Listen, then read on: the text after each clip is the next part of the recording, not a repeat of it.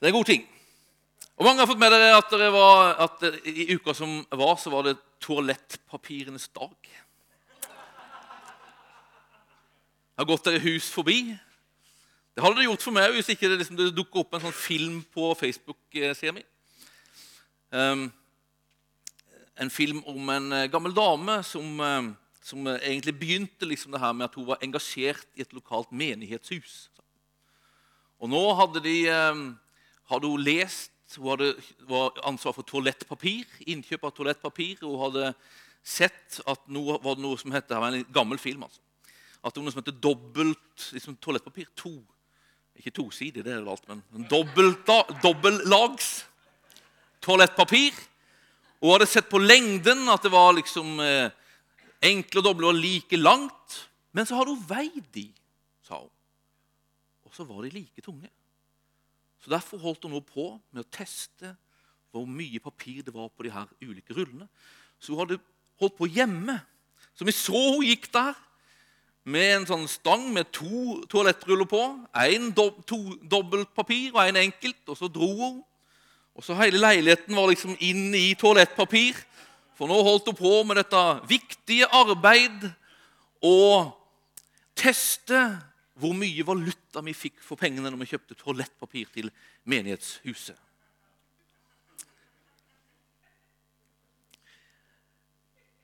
Og det var viktig. Hva det er som er viktig, og hva det er som virkelig betyr noe, det er et ganske sentralt spørsmål.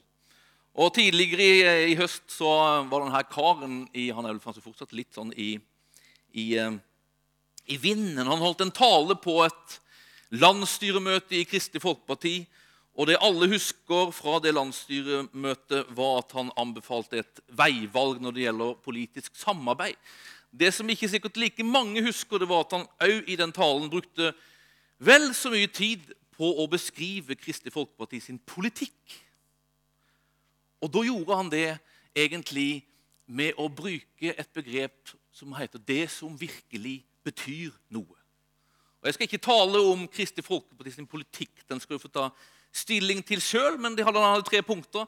Og det som virkelig betyr noe, mente han, det er det er det som betyr noe for folks hverdag, det er det som betyr noe for samfunnet, og det er det som virkelig betyr noe for den globale verden.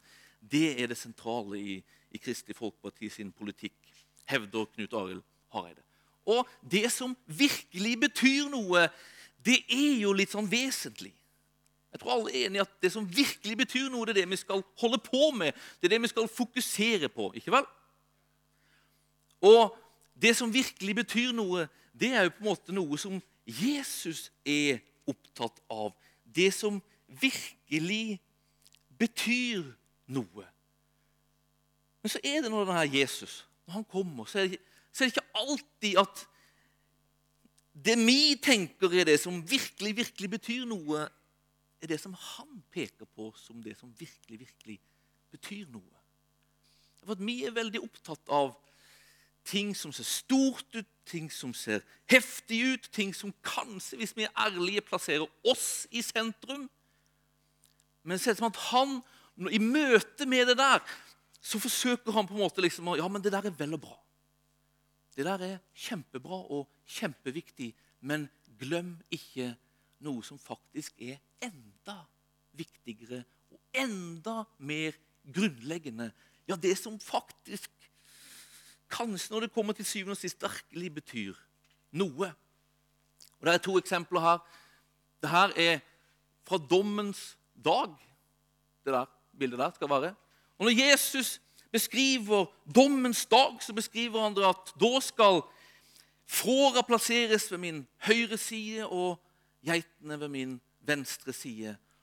Og så tenker man hvem er får, og hvem er geiter? Det må være i alle fall de som liksom gjør det her store, mektige gjerningene. Hva er det som er forskjellen på, på, på det Gud har behag i, og de Gud har behag i, og de som ikke han har behag i? Og så tar Jesus det ned til seg mye, mye mer grunnleggende og enkelt nivå. Han sier forskjellen på dem. Fåra de som skal få komme inn i min herlighet, ønsker velkommen inn i min herlighet, Det er ikke først og fremst de som gjør det store, tegna og undrene foran store mengder mennesker. Men spørsmålet er hvor var du når jeg satt i fengsel? Hvor var du når jeg var syk? Hvor var du når jeg var alene? Hvor var du der i det skjulte og i det lille? Det andre eksempelet her det er når, eh, når Jesus sender ut de 70. Han sender dem ut for at de skal forkynne evangelium, de de skal legge hendene på de syke, de skal drive ut onde ånder. Og de er sikkert nervøse. Det har jo sett, vi sett Jesus gjøre, men nå skal vi gjøre det. Og så sendes de ut, og så får de oppleve at det samme skjer gjennom de som gjennom Jesus. Folk blir friske, demoner flyr, og evangeliet går fram. Og så kommer de så her stormende tilbake, begeistra til Jesus og sier, forteller hva som skjer. Og det står at Jesus han fryder seg.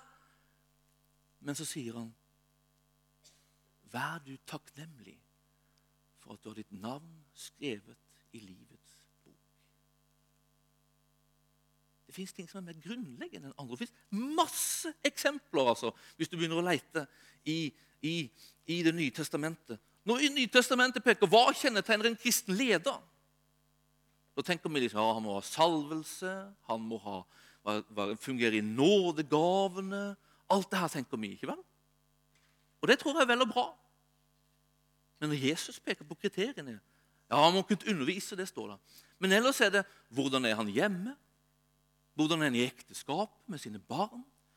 Er han vel ansett blant naboene på bygda? Blant de utenfor? Det er kriteriene. Altså, Han tar det liksom ned.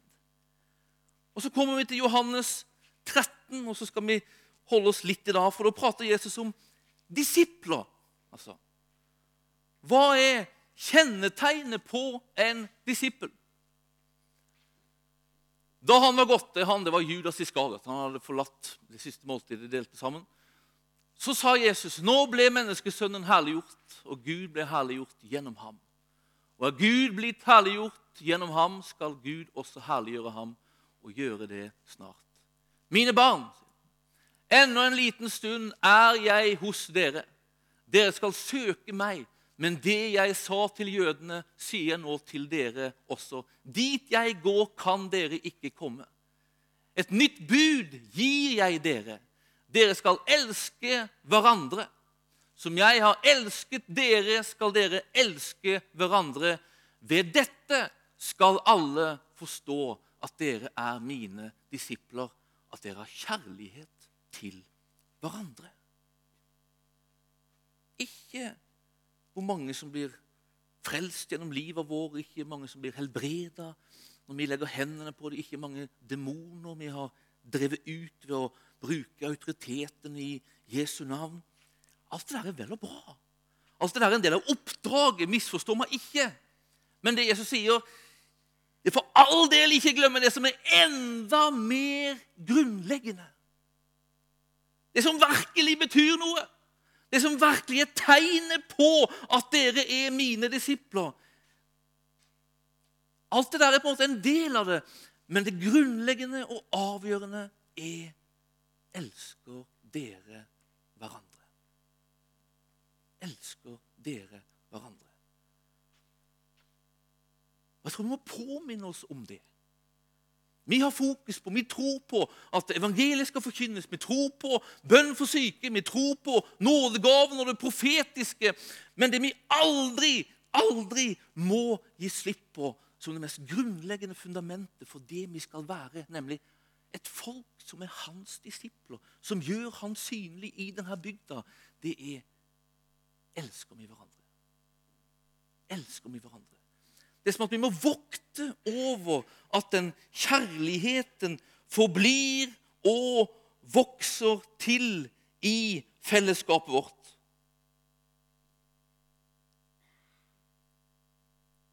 Tenk deg om vi står innenfor Han som menighet på den siste dagen. Han, kommer, han kanskje kommer inn her. Og så kommer, Hva skulle vi liksom vise han når han kom? Se mennesker blir helbreda på helbredelsesrommet. Mennesker blir frelst på teltmøter, mennesker får høre evangeliet.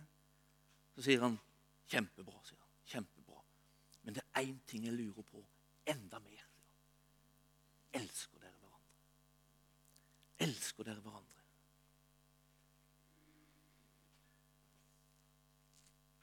Vet, en menighet som skal ligne Jesus, følge ham, være lik han. det må være en menighet som elsker. Det må være en menighet som elsker. Hele hans liv var preget av å være elska. Eller å elske. Alt var preget av det. Og våre liv og vårt fellesskap må òg være prega av det. Hva er alternativet?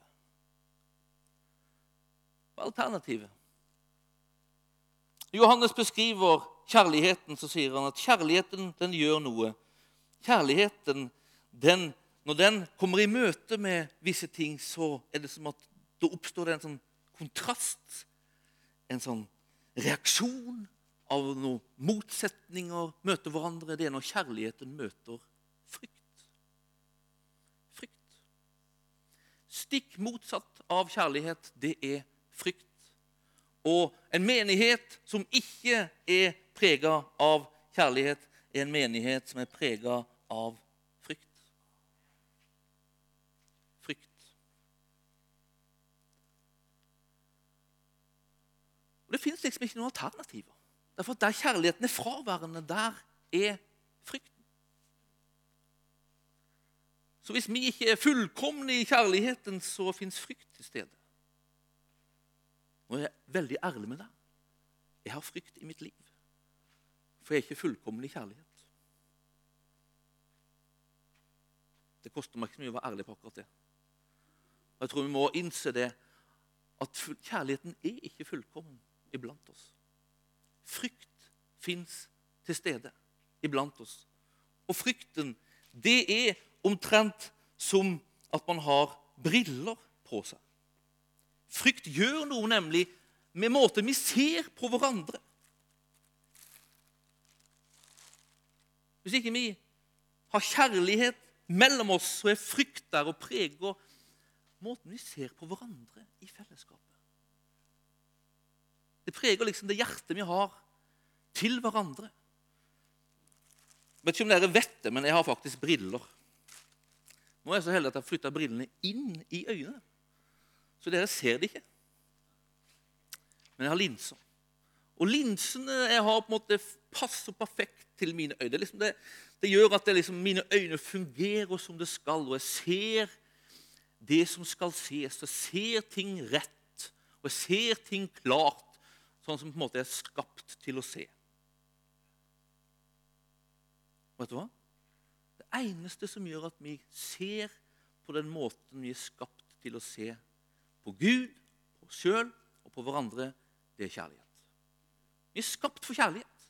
Vi er skapt til å leve i kjærlighet. Vi er skapt til å være preget av kjærlighet, og vi er skapt til å se med kjærlighet. Når frykten kommer, så gjør det noe med synet vårt. Jeg har noen sånn artig brillehistorier, forresten. Altså. Jeg var tenåring så var jeg fryktelig opptatt av hva folk tenkte om meg. syntes om meg. Alt Det der, det tror jeg har fortalt litt om før. Men jeg så jo så dårlig. Det var før jeg liksom gjorde noe med synet mitt. Så jeg så fryktelig dårlig. Og jeg jo, ble, Av og til ble jeg liksom beskyldt for å være hovmodig og liksom hoven, for jeg så jo ikke folk. Altså, jeg husker til og med på date en gang. Og så så jeg ikke hun jeg skulle på date på liksom, før hun var kjempenærme. Og hun venta liksom på en vink eller men, men iallfall Problemet var jo når jeg skulle se på TV. da. Jeg kunne jo late som ute når jeg kom jo nær nok, så så jeg, men problemet var når jeg skulle se på TV. Så da måtte jeg jo løse det, og heldigvis er min mamma mi hadde iallfall fall ganske likt syn. Så at Mamma hadde og brukte jo, mamma hadde jo briller, men de måtte jo hore sjøl. Men mamma hadde noen gamle briller, sånn fra 1970-tallet. Og de var jo svære. Nå er jo det moderne igjen, da. Men det var jo ikke det da, og iallfall ikke for en tenåringsgutt. Så hjemme på mitt rom med gardinene godt trakt fra når jeg så på TV, så satt jeg med noen store store 70-tallsbriller og så på TV. Jeg var ikke klar for spontanbesøk da. Så sånn er det. Og jeg har faktisk funnet fram noen briller her. Fordi at frykt gjør noe med synet vårt.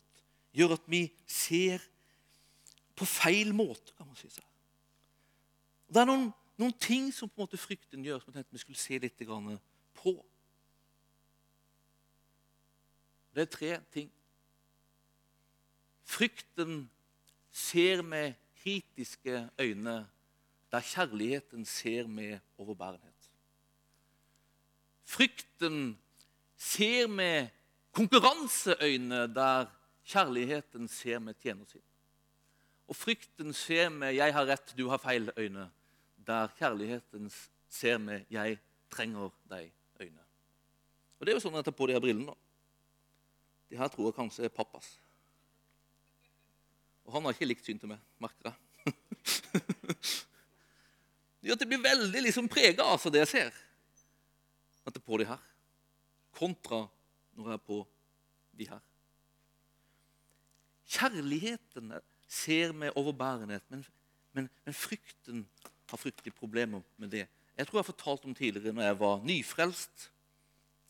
så hadde, og hele Gjennom hele oppveksten så hadde jeg en sånn gnagende opplevelse at jeg ikke var god nok. Det er frykt. Det er frykt for ikke å strekke til når mennesker feller sin dom over livet ditt. Du er ikke god nok.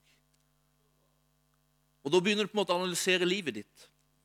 Ja, jeg møter ikke Gud, var en sånn greie for meg, som mine venner gjør. Jeg fungerer på en måte ikke sterkt nok. Jeg, jeg får ikke til ting, ting, til nok. Ikke, det funker ikke i livet mitt. Og så er det en gnagende opplevelse her at det må være min feil. Jeg strekker ikke til. Jeg får det ikke til. Jeg er ikke god nok. Og Akkurat det der kan resultere i to ting. Det kan resultere i at du går under i skam. At du bare bøyer deg ned og sier 'jeg er elendig'. Eller for min del resulterte det i kritikk. Kritikk av andre. Fordi når jeg begynner å peke på andre, så øker det min egen selvfølelse. Jeg ikke vært med på det. Er du bevisst på det? Sånn er det nemlig. Jeg var ikke bevisst på det helt til Rakel Gundersen satte fingeren i magen på meg og sa det du holder på med, det er fryktelig negativt. Det er ikke likt. Det var jo ikke så tøft, for Rakel var ikke så gammel. Jeg var ikke heller så gammel. Men det var fryktelig sant. Og det, det satte i gang en prosess i mitt liv. altså. Og jeg innså hvor kritisk jeg var. Og etter hvert så innså jeg at det hadde med min opplevelse av jeg er elska, jeg er god nok. Frykten føder kritikk. Kritikk føder forakt. Vi skal vokte oss. Vi skal vokte oss. Og alle har vi på en måte nyanser av frykt i livet vårt. Altså. Nå sa jeg det veldig forsiktig. altså, altså, som har tendenser til å bli kritiske. Et fellesskap som skal ligne Jesus, kan ikke ha kritikk. Fordi han har ikke kritikk. Jeg møtte Gud på en sånn, For meg var mitt gudsmøte et sånt kjærlighetsmøte. Og når jeg på en måte ble bada i det kjærlighetsbadet og prosesser rundt det der, så etter hvert så, så ble det å være kritisk fryktelig ulogisk. Altså.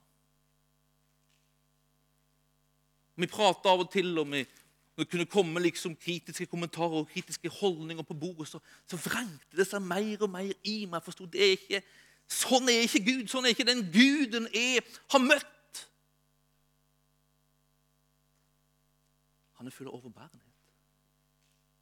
Han er full av overbærenhet.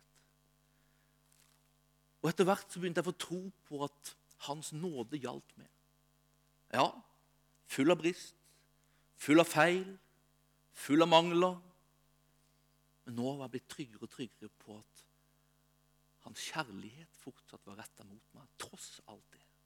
Hans nåde var retta mot meg. Hans nåde var liksom satt over livet mitt som en dusj. Hans velbehag hvilte over meg.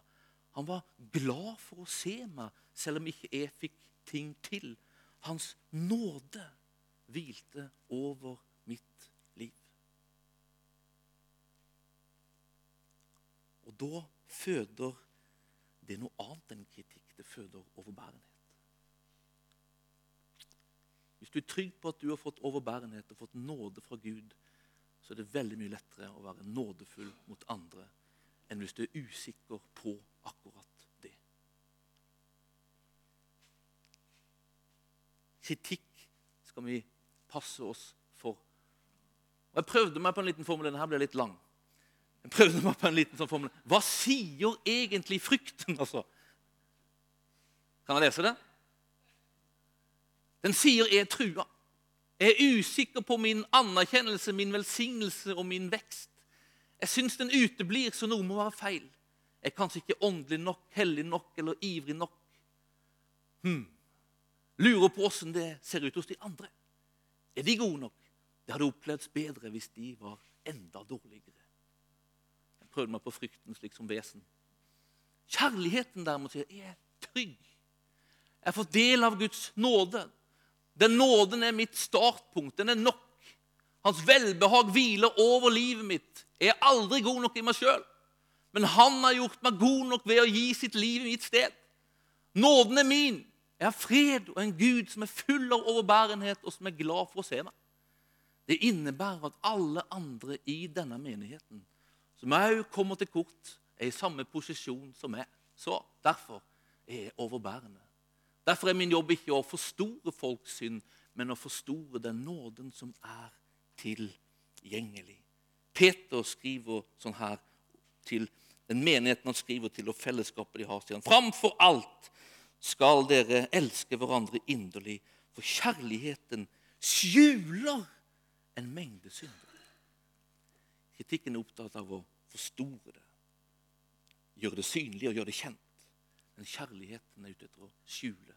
Fordi kjærligheten er ute etter å hjelpe, kjærligheten er ute etter å forløse mennesker, ikke begrense mennesker. Neste typer av briller.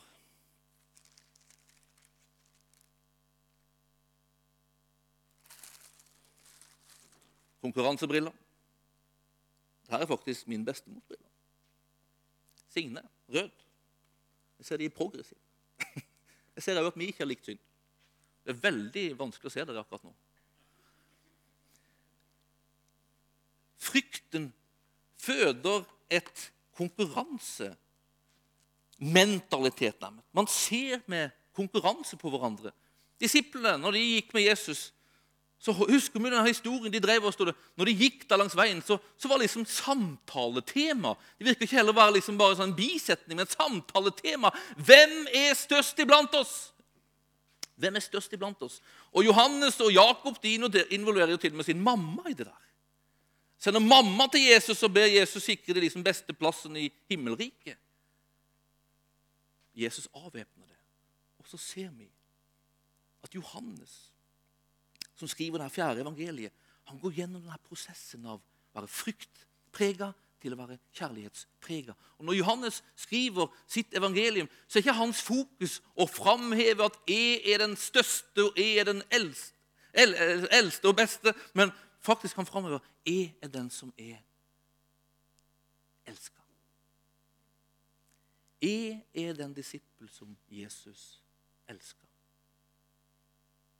Johannes gikk fra å være tordensønnen, ville kalle ned liksom ild fra himmelen, her, eh, liksom, som, som liksom det, det, store og heftige og liksom Wow, for en liksom er kaller ned ilden fra himmelen som profeten Elia. Han går fra det til å bli den som på sine eldre dager beskrives liksom av kirkehistorien, som bare egentlig hadde ett råd å gi til de som kom. Og rådet det var elsk hverandre.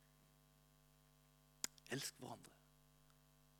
Når folk kom og ville ha torden over sine fiender, lyn over sine fiender, så var Johannes' løsning elsk hverandre. Hvorfor? Jo, fordi at det var et det var et bud som mesteren ga, sa Johannes.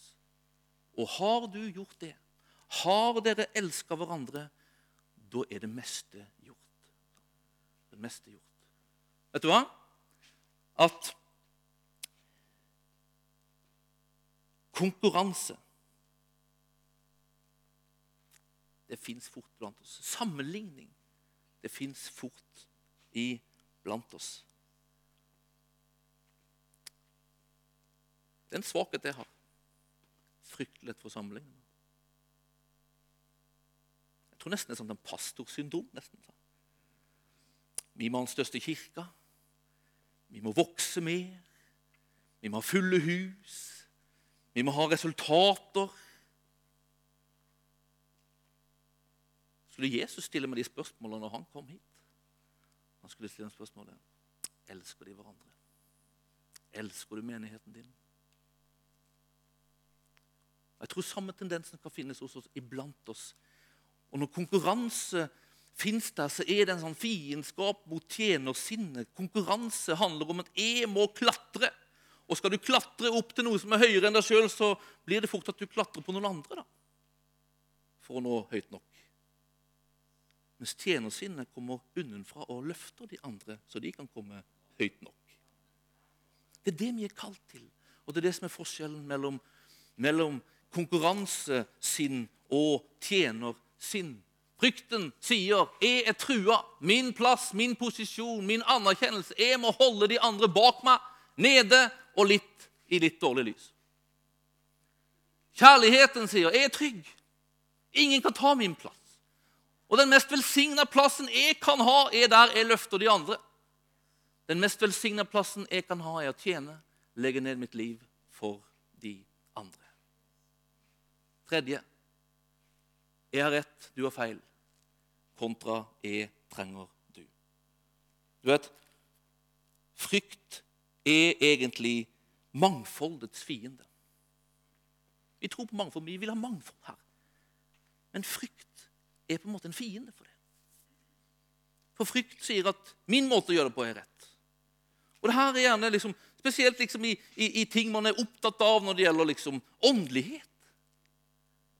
Jeg har oppdaga Jeg tror det er sånn i de fleste menigheter at det fins en slags lett motsetning her mellom de karismatiske og de som er opptatt av praktisk godhet. Det fantes til og med på Ansgar-skolen. Der var vi som var liksom opptatt av Bibelen. Vi gikk på en egen linje. Og vi var forska i Skriftene og holdt på med det der. Og så var det en annen linje som vi tenkte de er jo liksom, Hvor er Bibelen for de, liksom? De heter praktisk teologi. og De er opptatt av åssen skal vi gjøre det her. Vi oppdaga etter hvert at vi var faktisk avhengig av hverandre. Altså. Og Sånn er det òg i menighet. Her fins det noe som er opptatt av det karismatiske, nådegavene, tegn under, kraft, Guds opplevelser. Så fins det andre som, som, er opptatt av vi må nå naboene. Som er opptatt av de gode samtalene, som er opptatt av å bygge relasjoner. Og så blir det en sånn klins i det. En klins i noe som faktisk Gud har tenkt skal utfylle hverandre og berike hverandre. Frykten gjør at den klinsen oppstår. Fordi frykten sier hvis, hvis det som er annerledes enn meg, er det rette, da må jeg ha feil. Og hvis jeg har feil, så er jeg utdømt. Men kjærligheten sier nei. Jeg er trygg på at det jeg har, det er rett. Og kanskje det de har, ikke er feil, men annerledes fordi det skal berike meg. Jesus bruker bilder av mangfold masse når han prater om menighet. Kjærligheten er forutsetningen for at vi skal bli en velsignelse for hverandre. Jeg leste en artikkel her om eh, Bent Skammelsrud, gammel kaptein på Rosenborg, som beskrev sin gamle trener Nils Arne Eggen. Som beskrev liksom hans mentalitet og nesten sånn trenerfilosofi som godfoten. Mange har hørt om godfoten. Godfoten. Det handler helt enkelt om at det du er bra på, det er det vi skal fokusere på. Det er det vi skal utvikle for at det skal bli maksimalt bra. Det du ikke er så bra på, det lar vi være, fordi vi har andre som er bra på det på vårt lag. Og han Bent Skammelsrud beskrev det. Det der var ikke jeg vant til. sa han. For når jeg kom til Rosenborg, så visste jeg at jeg har en fantastisk venstrefot. Men høyrefoten den bruker jeg mest bare til å stå på. Så jeg tenkte jeg må jo utvikle høyrebeinet mitt, så at det òg kan brukes til noe. Men da sa Nils Arne Eggen jeg er ikke interessert. Jeg er ikke skaffa du hit for at du skal bruke høyrefoten. eller for at du skal liksom bli bedre på den. Jeg er ute etter den venstrefoten din. Og Jeg skal foredle den og jeg skal gjøre den så god som mulig. Høyrefot har du ved sida av deg. Roar Strand heter han som har høyrefoten. Du vet, på, på, I Rosenborg på 90-tallet var det Øyvind Leonardsen som spilte der. Og vet du hva han var kjent for? Han var best uten ball. Men det, det må jo være en prøvelse altså, på en fotballspiller. Var best uten ball. Og Jeg er ikke helt sikker på om Nils Arne Sengen sa jeg driter om du har ball eller ikke. Det sa han nok ikke. Men han var nok Du skal være best uten ball. Altså. Det er din del. Inne i midten så hadde de noen som bare kunne putte med tå liksom innenfor femmeteren. Du bør ikke skyte langskudd. Det er andre som gjør det. På kanten av en som bare kunne drible og legge inn, og det var det han skulle gjøre. Altså, Hele filosofien hans var å utvikle godfoten. Det beste hos den enkelte. Å skape et lag av ulikheter som utfylte hverandre. Men det er jo et eventyr, Rosenborg på 90-tallet. Slo til og med Milan på San Siro i Italia. Mektige AC Milan. Vet du hva? Det er Guds tanke med menighet. Han gir ikke med alle kvaliteter. Fordi at jeg skal være avhengig av Betta. Jeg skal være avhengig av Heng Paul, jeg skal være avhengig av Tor Gunnar, som har andre kvaliteter. Kjærligheten heier fram, anerkjenner at jeg er avhengig av du, og leiter etter gullet i hverandres liv. Det er kjærligheten.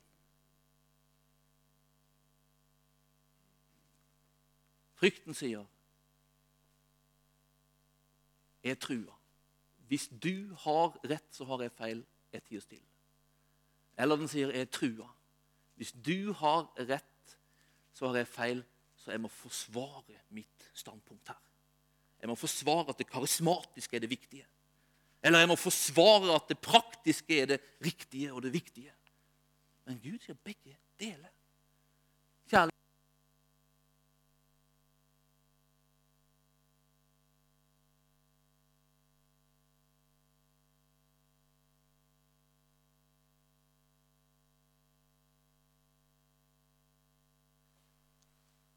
Kjærligheten er det vi er kalt til å leve i som menighet. Det er hjertet vi er kalt til å ha for hverandre. For å skape det fellesskapet som, som ligner Jesus, altså. Som ligner hans kropp.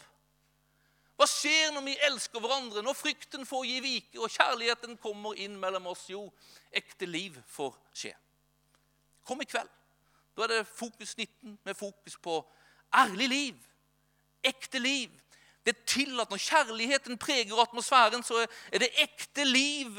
Ikke en trussel, men en velsignelse. Det er ikke noe vi, vi vil unngå å gjemme bort og jage bort. Vi vil ha det til stede iblant oss. Ærlig, ekte liv. Vi må ha fellesskap der det er plass for ekte liv. Der det er plass for å leve i lyset. Uten at ting får finnes og være i lyset, så kan ikke Gud berøre det. Derfor må vi ha et fellesskap, en menighet, der vi hjelper hverandre i å leve i lyset med våre liv. Sånn som det ser ut. Det er ekte. Det er ekte. Sant fellesskap er resultatet. Sant fellesskap oppstår, tror er der man blir hørt, der man blir sett, og der man blir satt verdi på. Da connecter vi med hverandre. Og ekte fellesskap oppstår. Og Når kjærligheten får komme mellom oss, så skjer det jo sann vekst. Det er lov å prøve, det er lov å feile. Kjærligheten og kjærligheten får begynne å virke iblant oss, så skjer det under. Det skjer det under. Jeg forbereder en, en bryllupstale i sommer for Sean og Miriam, som kommer over en historie som jeg syns var utrolig sterk. Og Den er knytta til ekteskap, så nå får du fortsettelsen på forrige ukes preken om ekteskap. Men det er òg noe som vi kan bære med oss i all form for, for fellesskap og alle former for relasjoner. Og Jeg leste denne historien om en kristen forfatter som befant seg i en ekteskapskrise. Han og kona de hadde sklidd ifra hverandre. De krangla masse og diskuterte skilsmisse helt konkret. Og En gang denne forfatteren var på reise for å promotere en av bøkene sine så hadde de en heftig krangel over telefonen. Kona hadde slengt på røret. Og denne forfatteren, den kristne forfatteren ba til Gud og var frustrert på Gud og over kona. Og visste ikke hva han skulle gjøre. Han involverte Gud. Men han hadde på en måte perspektivet at han var frustrert over kona. Etter en god stund så, så han ba over det her og ba over hva han skulle gjøre, så, så fikk han en sånn plutselig innskytelse. Du kan ikke forandre henne. Den eneste du kan forandre, er deg sjøl. Der og da, beskriver denne forfatteren, så la han en strategi om å vinne hustruen sin tilbake. Han kom hjem igjen fra denne reisa, og den første natta så lå de ved siden av hverandre med en isfront mellom seg. beskriver han. Når de våkna neste morgen, så vendte han seg til henne og spurte hva kan jeg gjøre for å gjøre dagen din bedre. Lettere sjokkert, beskriver han.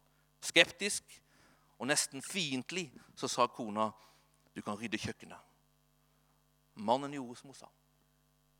Neste morgen så gjentok han spørsmålet. Hva kan jeg gjøre for å gjøre dagen din bedre? Rydde garasjen, sa kona. Mannen forsto at det gjorde hun for å provosere ham. For det var en stor jobb å rydde garasjen. Ok, sa han. Og brukte timer på å rydde den selv om han egentlig ikke hadde tid. Han hadde planer, men han la det til side og rydda garasjen. Og kona visste ikke hva hun skulle tro. Og når han spurte igjen neste morgen, så sa hun helt enkelt til han stopp. Usikker, skada av erfaring, så visste hun helt enkelt ikke hva hun skulle tro om det han holdt på med. Beklager, sa mannen, men jeg kan ikke stoppe, for jeg har gitt meg sjøl en forpliktelse fordi jeg bryr meg om deg, og jeg bryr deg om ekteskapet vårt. Og han fortsatte å spørre. Og i løpet av en uke eller to så skjedde det et mirakel. En morgen da mannen stilte spørsmålet, så knakk kona helt enkelt sammen. Stopp, sa hun. Ikke spør meg mer. Det er ikke du som er problemet, det er vi som er problemet. Det er vanskelig å leve med. Hvorfor blir du værende hos meg, sa hun. Det er fordi jeg elsker deg, sa mannen. Hva kan jeg gjøre for å gjøre dagen din bedre? Det er som burde stilt det spørsmålet til du, sa kona. Ja, det burde du, sa han. Men ikke nå. Akkurat nå er det jeg som må forandre meg. Du trenger å vite hvor mye du betyr for meg. Kona lente hodet mot brystet hans. Hva kan jeg gjøre for å gjøre dagen din bedre, sa mannen. Kanskje vi bare skal bruke litt tid sammen, sa kona. Mannen fortsatte å stille samme spørsmålet hver dag i over en måned. Og Etter hvert begynte kona å stille det samme spørsmålet tilbake igjen. Og veggen mellom de ble brutt ned. Denne prosessen den redda ekteskapet forvandla et ekteskap fra et helvete til å være himmel. Sett den andre foran deg sjøl. I ord, men òg i handling, som Jens Vegard leste til innledning i dag. Når begge gjør det i et ekteskap, så blir det himmel. Da blir det nærhet. Hjerter åpnes, skillemurer raseres, og alt av distanse oppheves. Det er en nøkkel til et ekteskap, sånn som Gud har tenkt det. Men da fins det òg en nøkkel til all form for ordentlig, ekte fellesskap. Og det at vi setter den andre foran oss sjøl. For å skape en opplevelse ikke for å gjøre det, men det resulterer i en opplevelse av at man blir sett, man blir hørt, og man blir satt verdi på. Og da raseres murer. Da vokser tillit, og da oppstår det hjertefellesskap. Amen. Himmelske Far. Det er de hjertene vi ønsker å ha for hverandre. Det er sånn fellesskap vi ønsker å skape på dette stedet. Et fellesskap som ligner du. Et fellesskap der vi ikke er ute etter å peke på våre brister og våre feil for å gjøre de synlige og kjente. Et fellesskap der vi ikke har briller med, med, med sånn negativ styrke, men der vi har briller med positiv styrke. Der vi leter etter gull og det du har lagt der. Far, fød et fellesskap som òg gjør hverandre trygge. Fød et fellesskap som er med og formidler den kjærligheten som du har til hver og en av oss. For vi er avhengig av din kjærlighet for det her skal skje. Ditt ord det sier at vi elsker fordi du først har elska oss, og vi er så avhengig av din kjærlighet. Fordi vi alle bærer på noe av frykt i livet vårt. Kom med din kjærlighet og fyll oss og preg oss. Kom i nattverden og møt oss. Berør oss med din kjærlighet. Møt oss i lovsangen. Møt oss. Fyll oss med din kjærlighet, Herre. I tida som kommer, Herre. Fyll oss med din kjærlighet. Vi, vi, vil ha en lengsel, Herre, en tørst etter det mer enn noe annet. For vi vet at det er det som er det viktigste kjennetegnet på at vi tilhører du og ligner du.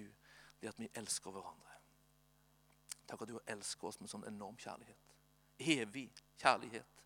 En kjærlighet som aldri tar slutt, og som aldri og alltid rekker til. Bare kom og gjør ditt verk i våre liv. Som enkeltmennesker og som menighet. I Jesu navn. Amen. Amen.